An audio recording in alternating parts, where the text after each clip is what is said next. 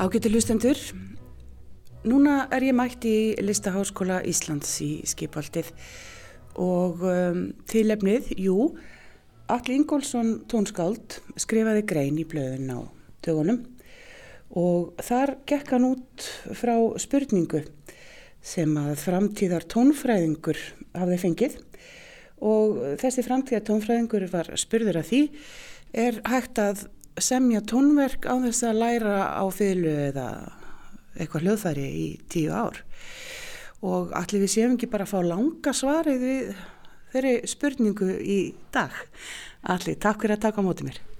Já, sælvertu um, já, við getum nú sagt að þessi uh, þessi ingangur greinarinn að sé meir og minna bara átilla til þess að fá að ræða þetta málefnið, hvort það er hægt að kenna tónsmíðar. Já þetta var svona eitt af þeim tilfellum það sem að verði varfið að það er eins og það sé ekki allir alveg uh, átti sig ekki á því að það sé fag og uh, fyrsta lagi þá hef ég nú þetta starf hérna núna í listaháskólanum sem tónsmiðakennari uh, og þannig að mér svona rannblóði til skildunar kannski að, að ítrekka þetta. Ég held nú reyndar að spyrillin sem er öruglega þér kunnu og þinn kollegi hafi þetta sé nú bara svona fljótverðin eins og maður orðarspurningar skiluru uh, en ég, ég tók hann á orðinu uh, en bara til þess að geta síðan rætt málefni þannig ég, ég var svo sem ekkit að velta fyrir mér hvort að þetta veri raun og veru hennar skoðun eða, eða trú. Mm. en uh, þetta hafið þetta verið hennar trú þá sagt þá glemdist það að það er til sérstakt fag sem heitir tónsmíðar þannig að tónsmíðar eru ekki engungu það sem fólk gerir þegar það er búið að læra á hljóðfæri mm. þegar þú ert búin að læra hljóðfæri og læra að tólka tónlist og, og þjálfaði í flutningi tónlistar þá ertu vonandi góðið með góða insýn í það hvernig tónverk eru sett saman vegna þess að þú þart að þú þart að, jú, tólka þau mm.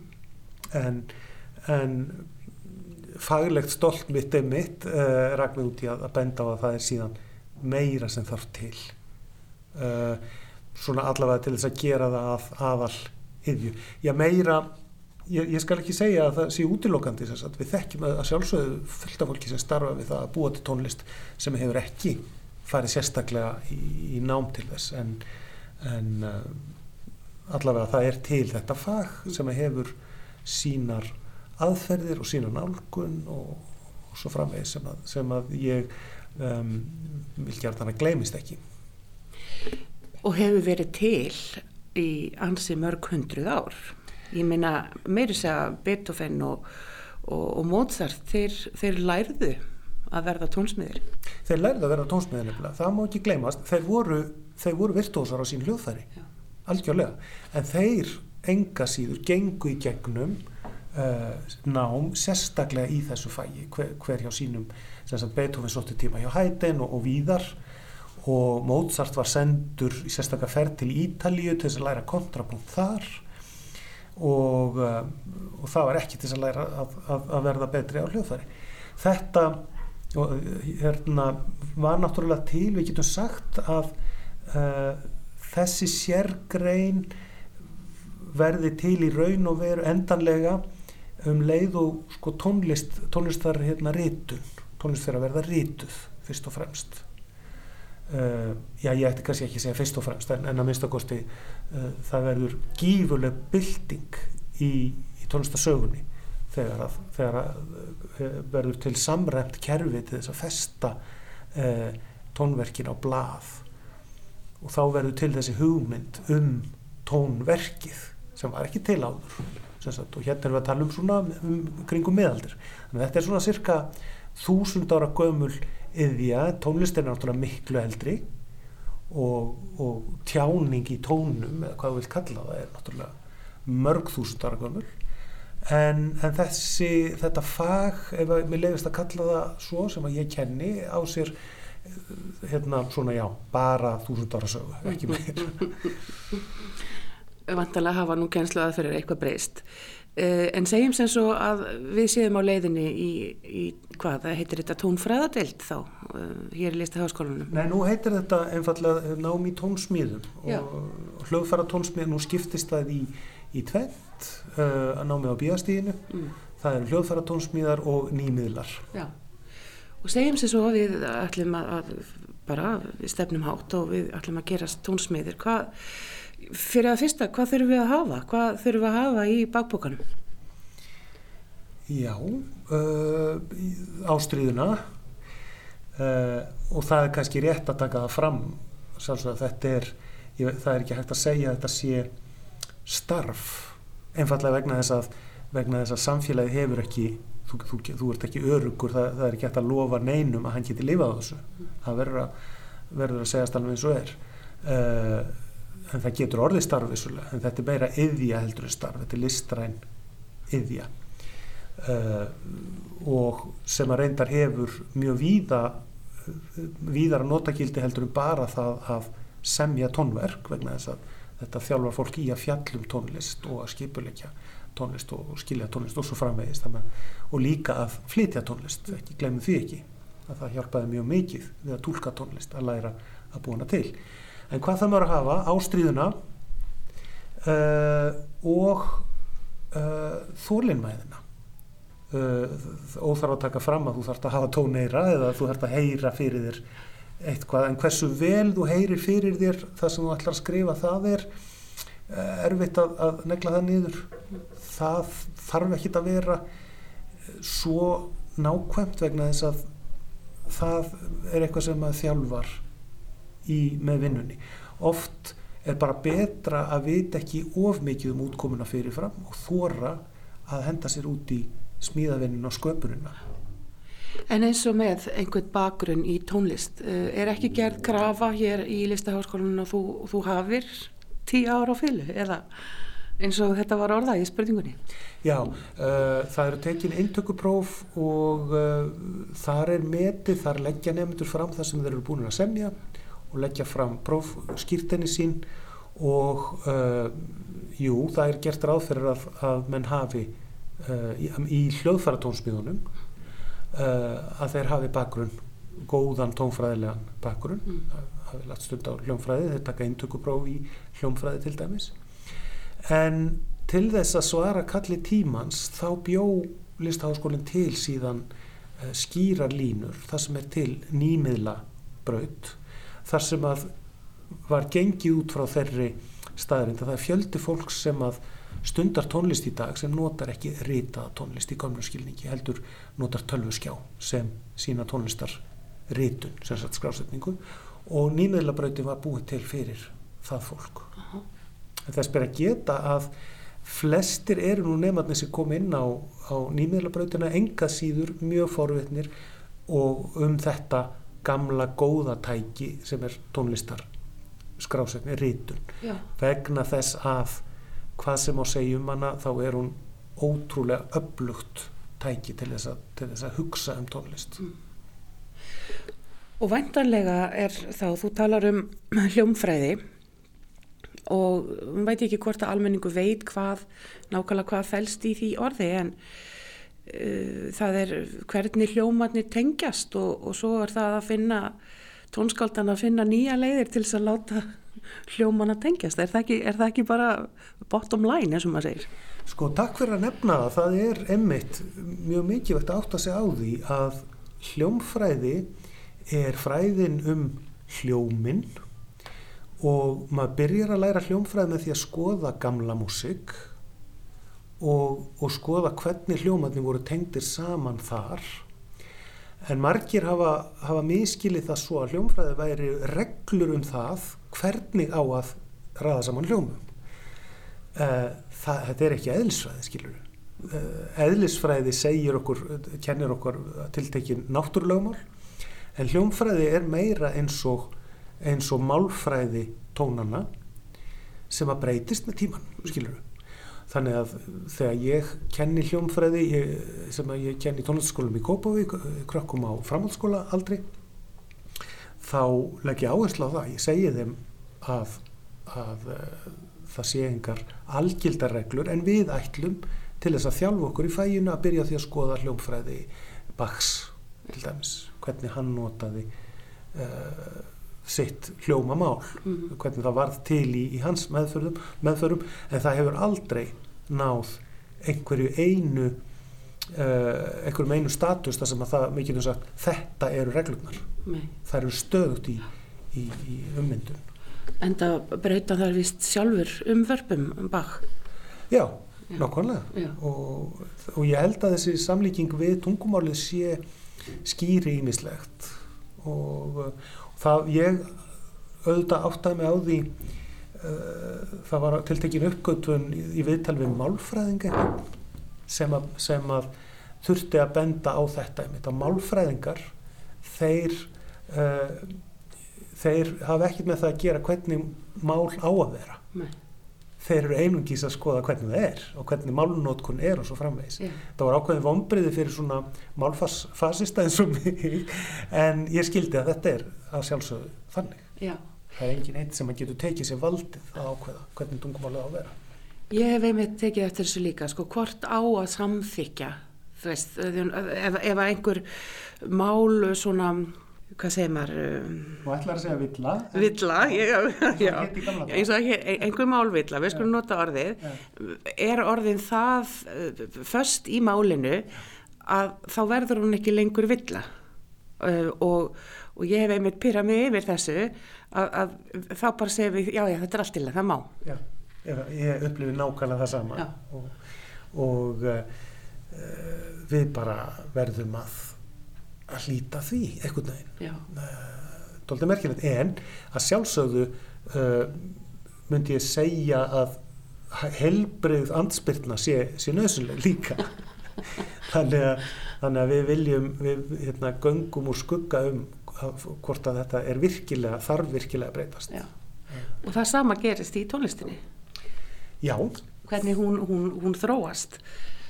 Fólk brýtur reglur. Já, og, og, og, þá hættir fólk að heyra og finnst þetta ekki vera vittleisa eitthvað festis í sessi og svo er eitthvað annað brotið og, og, svo, já. og svo víðri Já, við eigum ekki betra orð heldur en að brjóta reglu, það er rétt hjá þér, en, en þetta er sjálfsögð ekki reglubrot, skilur. nei, nei, Það, þetta, þetta er bara útvíkun á, á tónmálinu. segjum sem svo að við séum bara í, tímum hjá bak getur þið gefið okkur eins og bara algjöran grunn, við sitjum hérna nú við piano. Ef þú myndir gefa okkur bara einn góðan grunn í, með þremur hljómum segjum, sem að Bach hefði notað. Já, uh, nú vil ég ekki falsa söguna og segja að ég viti hvernig hann hugsaði. Nei, Uh, það sem ég nota er túlkun okkar setni tíma manna sem að gengur upp, sem sagt ég, ég er með tiltekna málfræði sem ég kenni, kenni nefndum vegna þess að ég veit að með þeirri aðferð geta þér hefnt eftir bakstílnum. Ég veit ekki hvaða tungutak hann hefði sjálfur notað, skilur. En ég geng út frá því að frá því að það verður til það sem við kallum dúr-málkerfi uh, þá eru til tvær, tvær megin, tvær megin, hérna, megin tóntegundir, önnur er dúr, þessi, og síðan er það moll hljómurinn, eitthvað sem hljómar svona. Uh, það eru mjög margir sem að þekkja munin af þessu, en þessar tvær tóntegundir, þessi tveir heimar hegða sér á doldið ólíkan hátt. Við skulum bara skoða dúr heiminn sem stendur. Þá er uh, fyrsta kjenslustund sérkvert lag hefur aðalpersonu uh, sem að lendir í einhverju er, við, við tölum um hljómamál og, og það byggir upp eins konar setningar og aðalpersonan í þeim setningum segjum er eh, svo kallar grunn hljómur og það nefnilega hveður svo stert að þessu að uh, sumar laglínur, þekktar laglínur eru ekkert annað heldur en nóturnar úr þessum hljómi. Skilur og svo framvegis. Við þekkjum, við þekkjum alveg hellinga þessum laglínum. Menn áttu að segja á því en, en það er uh, það er mjög stert að byrja söguna á því að segja bara það var einu sinni kall. Og þá ertu komið með og þú, það eru svo margar leiðir til þess að sko hund, sko þúsundir stefja sem geta orðið til úr þessu og það eru til túsundu stefja, ég er ekkert að segja öll stefin séu svona, en það er mjög þægilegt að byrja á þessu, vegna þess að þá ertu búin að skilgreina hvað er heima og þá getur sagan byrjað. Og eins og ég segi krökkunum þú getur búið til hérna ansi skraudlegan skraudleg stef úr þessum nótum. Þú getur farið út um allt. Ok, þá föttu við, já þetta er aðalperson en venjuleg setning eins og í tungumálunu það dugar auðvitað ekki að eh, hafa bara eintóm nafnorð í henni. Og málið er nefnilega það að ég nota þetta líkingamál ég segi grunnhljómurinn hann er eins og nafnorð. Og, og þú getur ekki sagt bara maður, hundur og, og hús og, og skí og svo framvegs eins og við lærum öll í, í málfræðinni, það er eitt sem vantar til að búa til setningu, það er sagnorð. Mm -hmm. Og þá segi ég að það sé til annar hljómur sem að býr til framvenduna og býr til setningu, það er ekki þessi hérna, heldur þurfum við þennan hér vegna þess að nú fer eitthvað að gerast, það er ekki bara maður og hundur og hús heldur fer maðurinn uh, út í búð. Sem sagt það verður ekki til frasi eða sagt raunhæf setning sem ég get notað í tónverk nema ég notað þessa að minnstakosti þessa tvo hljóma. Mm -hmm. og ég kalla þá uh, nafnorð. Þetta er bara líkingamál sko. Mm -hmm. uh, nafnorð og sagnorð og við getum búið til bísna skrautlegar setningar með þessum tveimur uh, orðflokkun sem ég kalla hljómflokka mm -hmm. uh, og tónlistin uh, nýti sér það óspart en að sjálfsögðu fer okkur að leiðast eftir svolítið stund ef að það eru bara nafnorð og sagnorð í setningunni þannig að hvað viljum við fá til viðbótar til þess að geta þess að hérna, gæða söguna meira lífi. Við höfum nafnorð og uh, sagnorðið. Og nafnorð en svo þetta vantar okkur lýsingarorðið.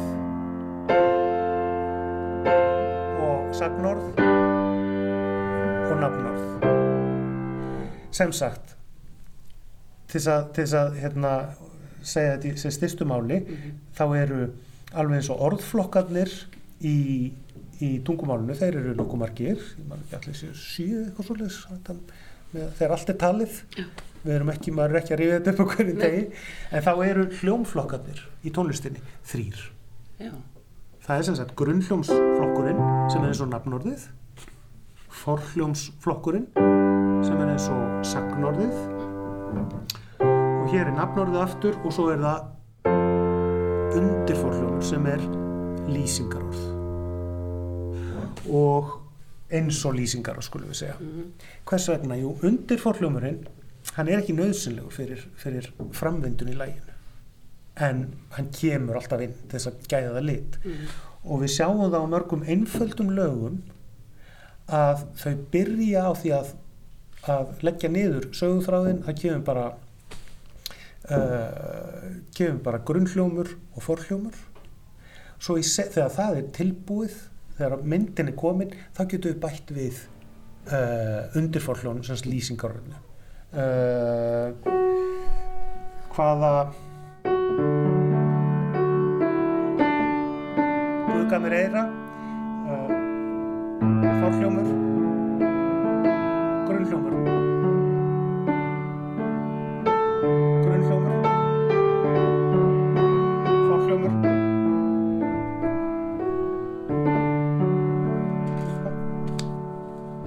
grunnhljómar aftur. Og hvað gerist núna? Þá heyrum við allt í hennu það lægi breytist, það kemur nýr litur það kemur lýsingar orðið inn og svo framvegis svo heldur lægi áfram, þetta er einkenni það er býsta mörg lög sem að falla inn í þetta mótel nú er ég auðvitað bara að tala um einföldustu lög sem nota þessa þrjá hljóma í sinni hreinustu mynd. En síðan er uh, málið það að það eru margir hljómar í það náttúrulega sjö uh, tónar í tónsteganum, dúr tónsteganum og upp frá hverjum tóni þá er þetta búa til þrý hljóm. En sér hver þessara hljóma er í einhverjum hljómflokki. Þannig að til dæmis lýsingarorðið ef þetta er, grunn, ef þetta er hérna uh, nafnorðið þá er þetta lýsingarorðið en líka þessi það er til önnur útgáfa af sérkverjum hljómflokki og sömuleiðis þetta er grunn hljómurinn og um, sem er nafnorðið en það er líka til þetta er líka sinnir sömu, uh, sömu störfum í, í setningafræði tónlistarinnar mm. þetta var kannski daldur flókið eða hvað? Mm, ekki fyrir mig en, en, þá, já, en hlustandin gæti átt að segja á því já. að þess að búa til framvindu mm. það er ekkit ósveipa því að setja saman setningu Já, einmitt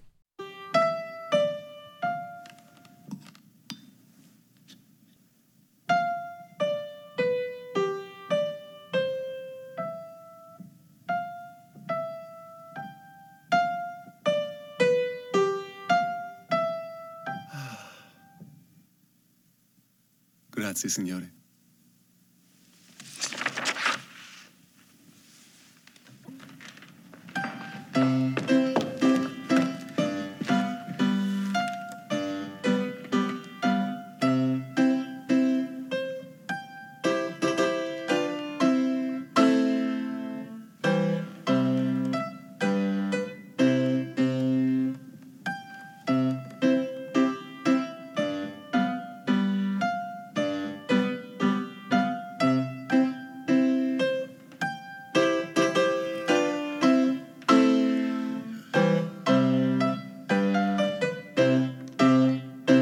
Majesty, if you want. It's already here in my head. What? On one hearing only? I think so, sire. Yes. Show us.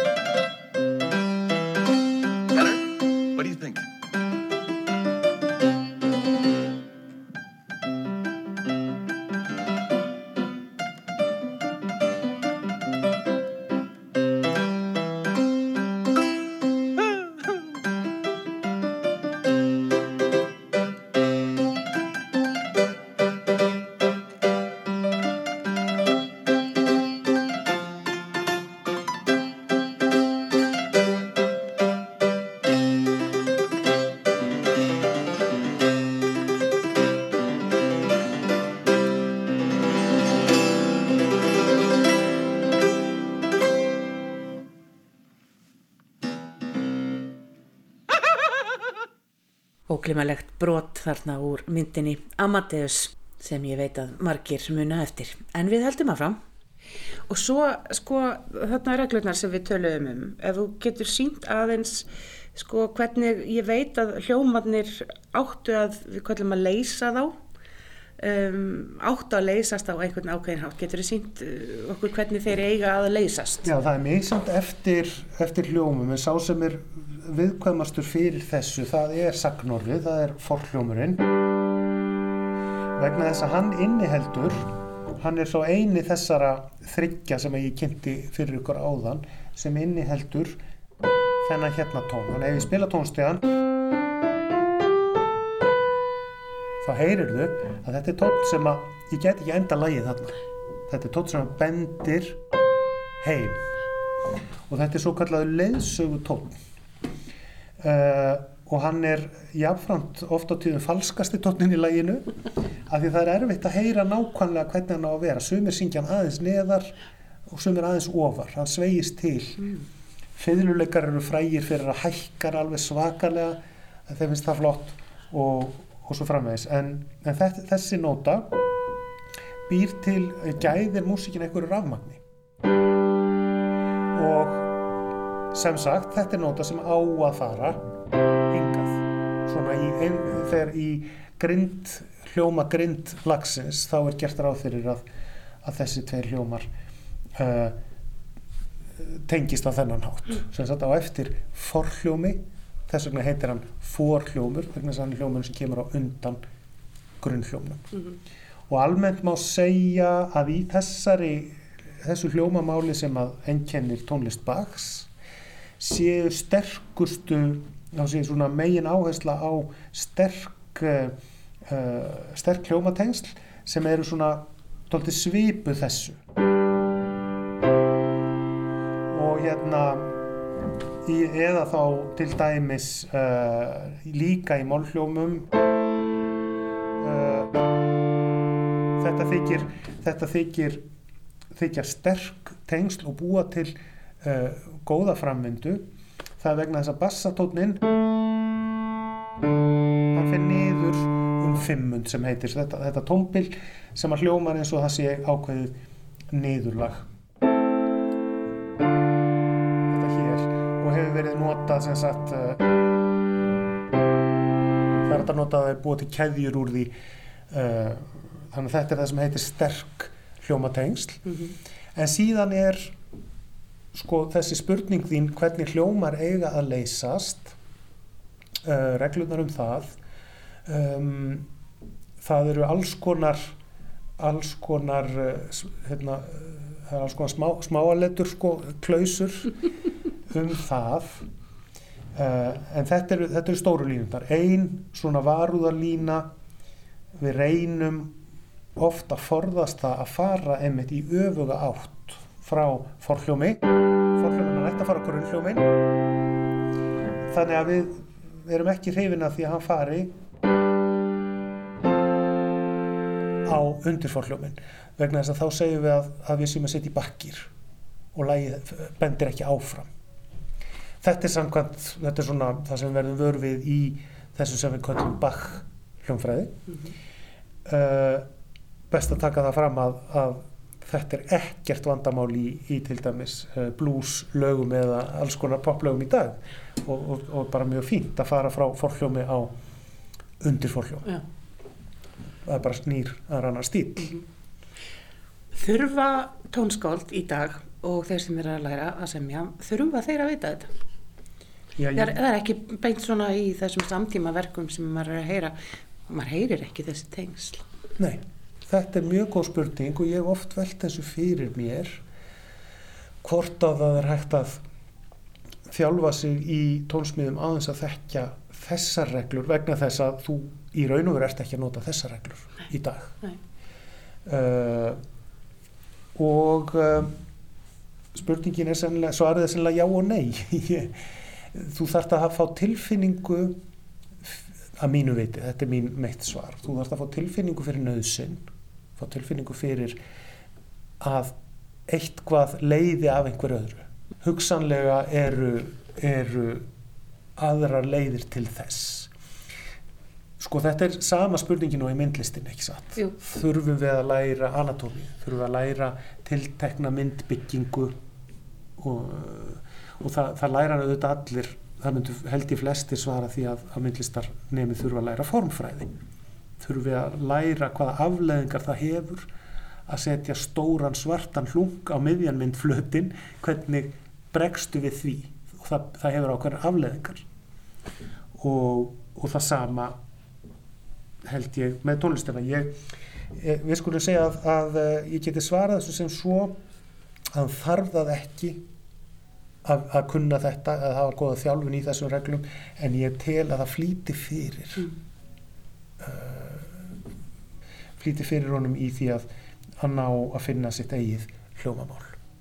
Eins og þú byrjaðir á hljónfræðinni þinni, ekki satt? Jú, já, ég lærði kannski hljónfræði doldið óreglulega, það voru ymsar bækur, sumar til dæmis eins og Rimski Korsakov, uh, hann er eiginlega að lýsa hljónfræði frá lo- lokum 19. aldar, Mm. hann er bara að lýsa hljónfræði þeirri sem er uh, helst við líði þegar hann er uppi skiluru Já, og uh, það var doldið skrautlegur ferill sem ég átti í hljónfræði námi þanga til ég áttaði mig á því að það væri best og síðan samt, ég samti þess að kennslubókin hljónfræði og þá, þá tók ég þá ákvörðum að það væri best að miða bara við einn stíl til þess að gefa, til þess að blekja ekki nefnandan, láta hann halda að það sé til eitthvað, eitthvað ein hljónfræðiteóri Mm. heldur þá segi ég bara upp að þetta er bakhljónfræði og hún gildir fyrir, fyrir það en, en það er ekki til neinar algildar reglur að öðru leiti fyrir, fyrir hljónfræði Mm.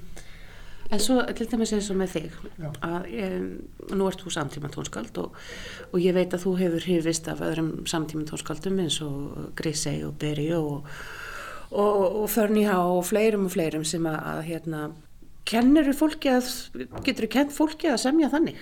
Hva, á, á hverju eru þeir að byggja? Eru þeir bara með sitt eigið eða getur megið að gera hvað sem er? Já, það er alveg jafn, um, það er alveg jafn ströng og jafnvel strángari sko skilirði til þess, að, til þess að byggja upp verk sem er ekki í hefðbundinni tóntegund. Það eru einfallega aðrar reglur sem að gilda og st- mjög uh, mjög uh, mikil meðvitund um hvaða hljóma þú setur saman, hvernig þeir eru. Það er ekkit þú, þú getur ekki skvett bara hverju sem er á, á hljómborðið þannig að á, á hérna, nóturnar þú verður að vita hvað þú ert að setja blæð og hvaða afleðingar það hefur hvort þú vilt, en hvort þú vilt að halda samræmi eða hvort þú vilt búa til ósamræmi hvort þú vilt búa til óróa eða ró uh, hraða eða, eða rósansat og, og, uh, og hvaða nú er. Uh, sér hver aðtöfn hefur afleðingar þannig að það er erfiðara kannski að vera tónskáld í dag heldur en á þeim tíma þegar þú gegst inn í svona tiltörulega skilgreint hljómamál af því að það var skilgreint vegna þess að allir í kringuði voru að nota, semst nú er ég enda ég var enda við að segja að, að hljómamálið hafi aldrei verið komist í fasta mynd en á hverju tímabili er svona sirka viðukent hvað er, hvar við erum stödd. Og uh, það hefur vakið mig til umhugsunar þegar ég heyrði þessi frægu en þau eru ekki mjög fræg sem sagt þegar tónskóldafélagið í Vínarborg ákvaða efna til samkeppni um, um uh, variasjónir á, við stefið Diabelli. Mm -hmm.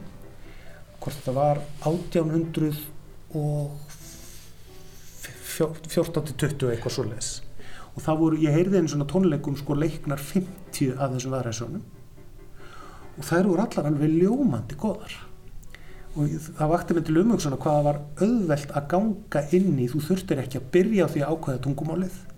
Tónmálið sem þú varst að nota þau gáttu komið sér beint að efninu mm.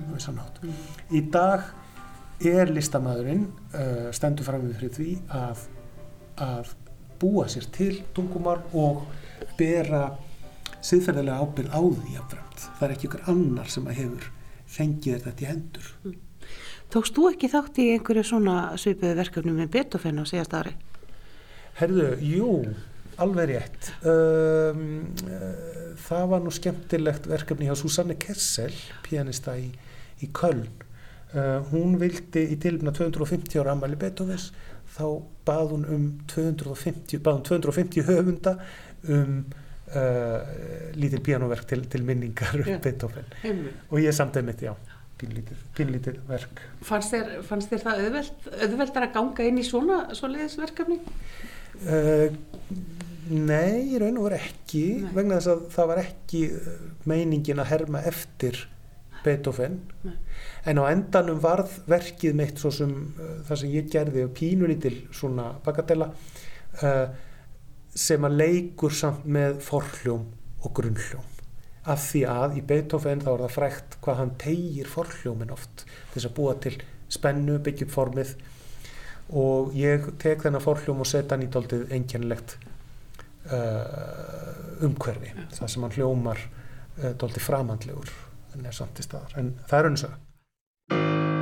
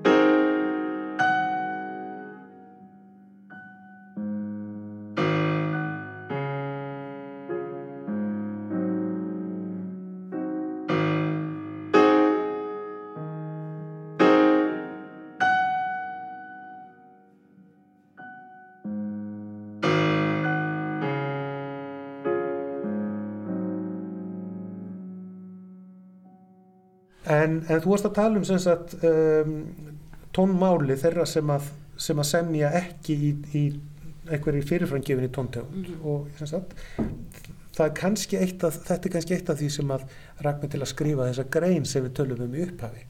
Að það eru svo margir sem trúa því að, að ef þú notar ekki setur eða, eða amól eða eitthvað svo leiðs að þá sértu frjáls og gerir hvað sem er.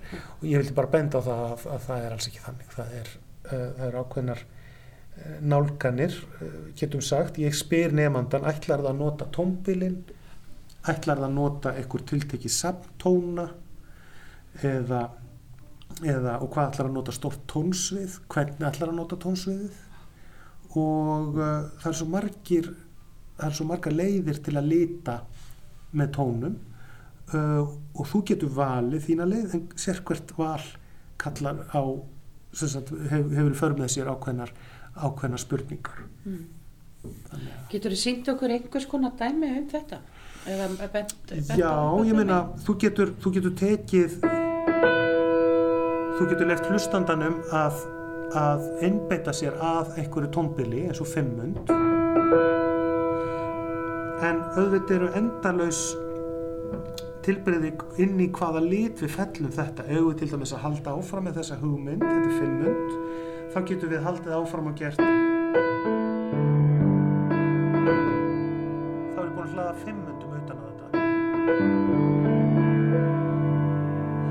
Eða ég get túlkað þetta sama tónbil á allt annan hátt og uh, til dæmis uh, á, búið til tiltekið, tiltekin lit sem væri þá svona.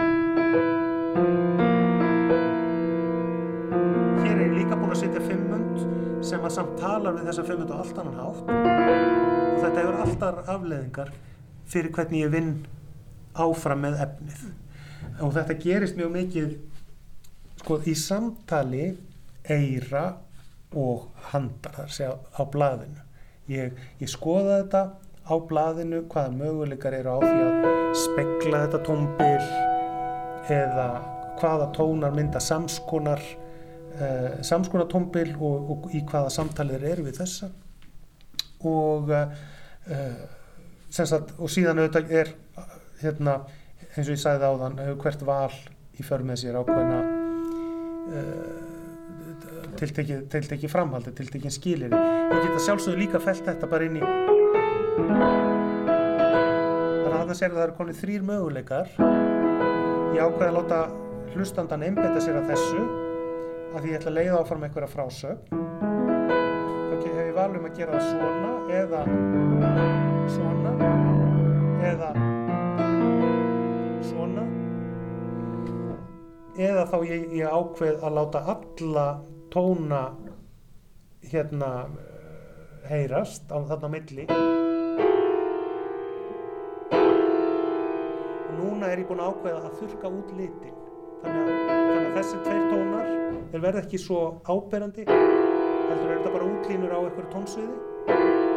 Og þetta til dæmis myndi ég þróa áfram.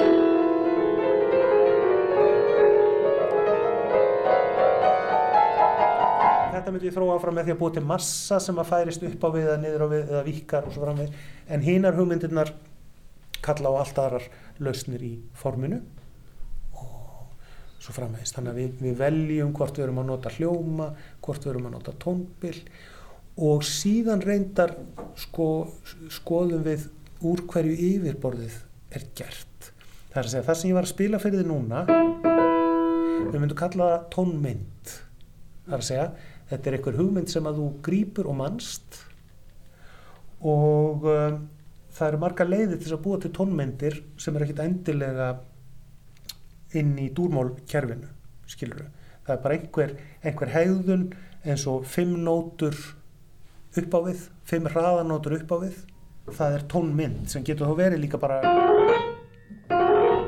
þetta.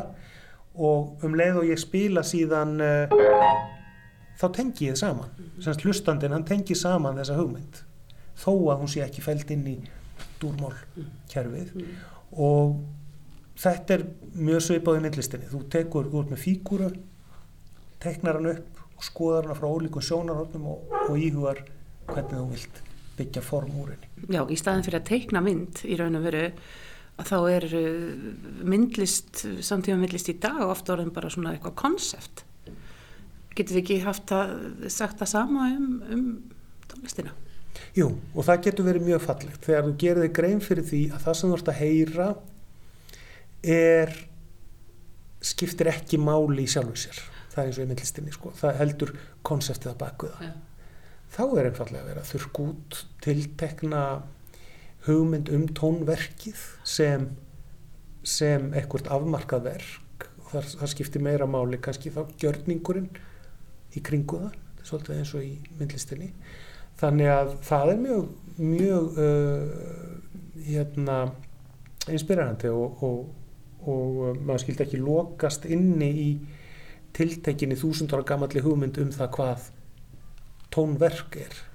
Það felur líka í sig bara upplifun á tónlist sem að getur byggð, bygg, hérna, byggst á tónbiljónu sjálfum eða getur byggst á til dæmis bara slempi uh, sem sagt bara uh, random uh, ef að ef að það er undibúið á tiltekin hátt við þekkjum þessi verk það sem að þú ef þú veist að uh, þú gengur inn í sal og nóturnar á píanóinu eru tengdar við 30 veðurstöðvar út um heiminn sem að veita upplýsingum inn í hljómborðið. Og þá veistu að það sem þú heyrir kannski bara líður áfram og þú átt ekki að geta sett það saman endilega sem tónverk en það getur verið afskaplega fallegt uh, konsept. Bara að velta þessu fyrir sér að búa til gangin í þessa, þessa heild. Þannig að mm, já, músíkin er ekkert alltaf háð þessu stranga handverki sem að ég lýsi svolítið í greininni. Uh, en ég held að uh, já, en ég var, ég var hins vegar að varpa ljósi á það að handverkið er til og skiptir máli fyrir Nú sko hefur manni vist eins og síðari hluti 20. aldar og kannski eitthvað svona uh, þá hafi tónskáld og, og, og samtíma tónlist verið komin í svolítið, svolítið kastala, svolítið langt í burtu frá áhörundunum sínum. Um, ertu sammála því? Um, já, uh, við getum samt sagt að á nýt, í byrjun 20. aldar var tónlist kannski, sem sagt klassisk tónlist hefur nú aldrei verið uh, hefur aldrei átt sér heilu þjóðirnar sem, sem aðdándur og segja, það hefur alltaf verið afmarkaður hópur uh, helst sko borgarstjettin sem að, að bjó til smekk fyrir klassísku tónlist en það er satt að um, nýja tónlistin sem fór að nota ómstríðari uh, tónbil mikið, tónbil sem menn voru ekki vani sem þau þóttu vera stríð uh, höfðaði til færri hlustenda. Um, og það gerðist, það var á tímabili sem það var nánast siðferðileg skilda listamannsins, tónlistamannsins að að nota ekki tómbil sem að fólk var vant.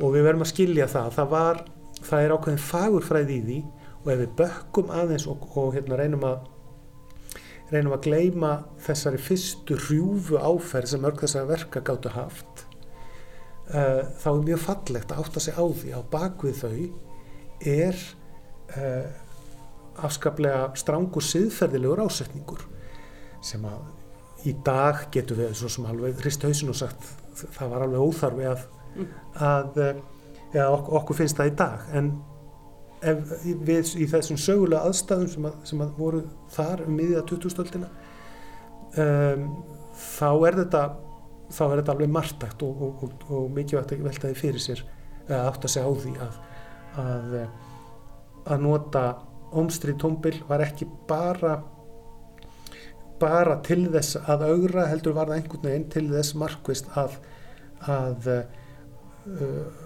opna vika út skinn heim uh, hlustandans og uh, bendunum á og svo reyna að vinna gegn uh, vinna gegn íhaldsemi vegna þess að það var trú margra að íhaldsemin hefði leitt okkur út í, út í hörmungar uh, setni heimstyrjaldarinn til dæmis. Mm. var svona, þetta var eitthvað svona viðbræð En það má eiginlega segja það að nú þetta já, samtíma tólistin í dag er, er uh, margir talum að það sé að verða minn, að skilin sé að minga milli já, dægur, dægur tónlistar og, og, og samtíma tónlistar Já, það er mjög gaman að fylgjast með því hvernig uh, já, nú talaði ég um ómstríðu áðan, sem sagt uh,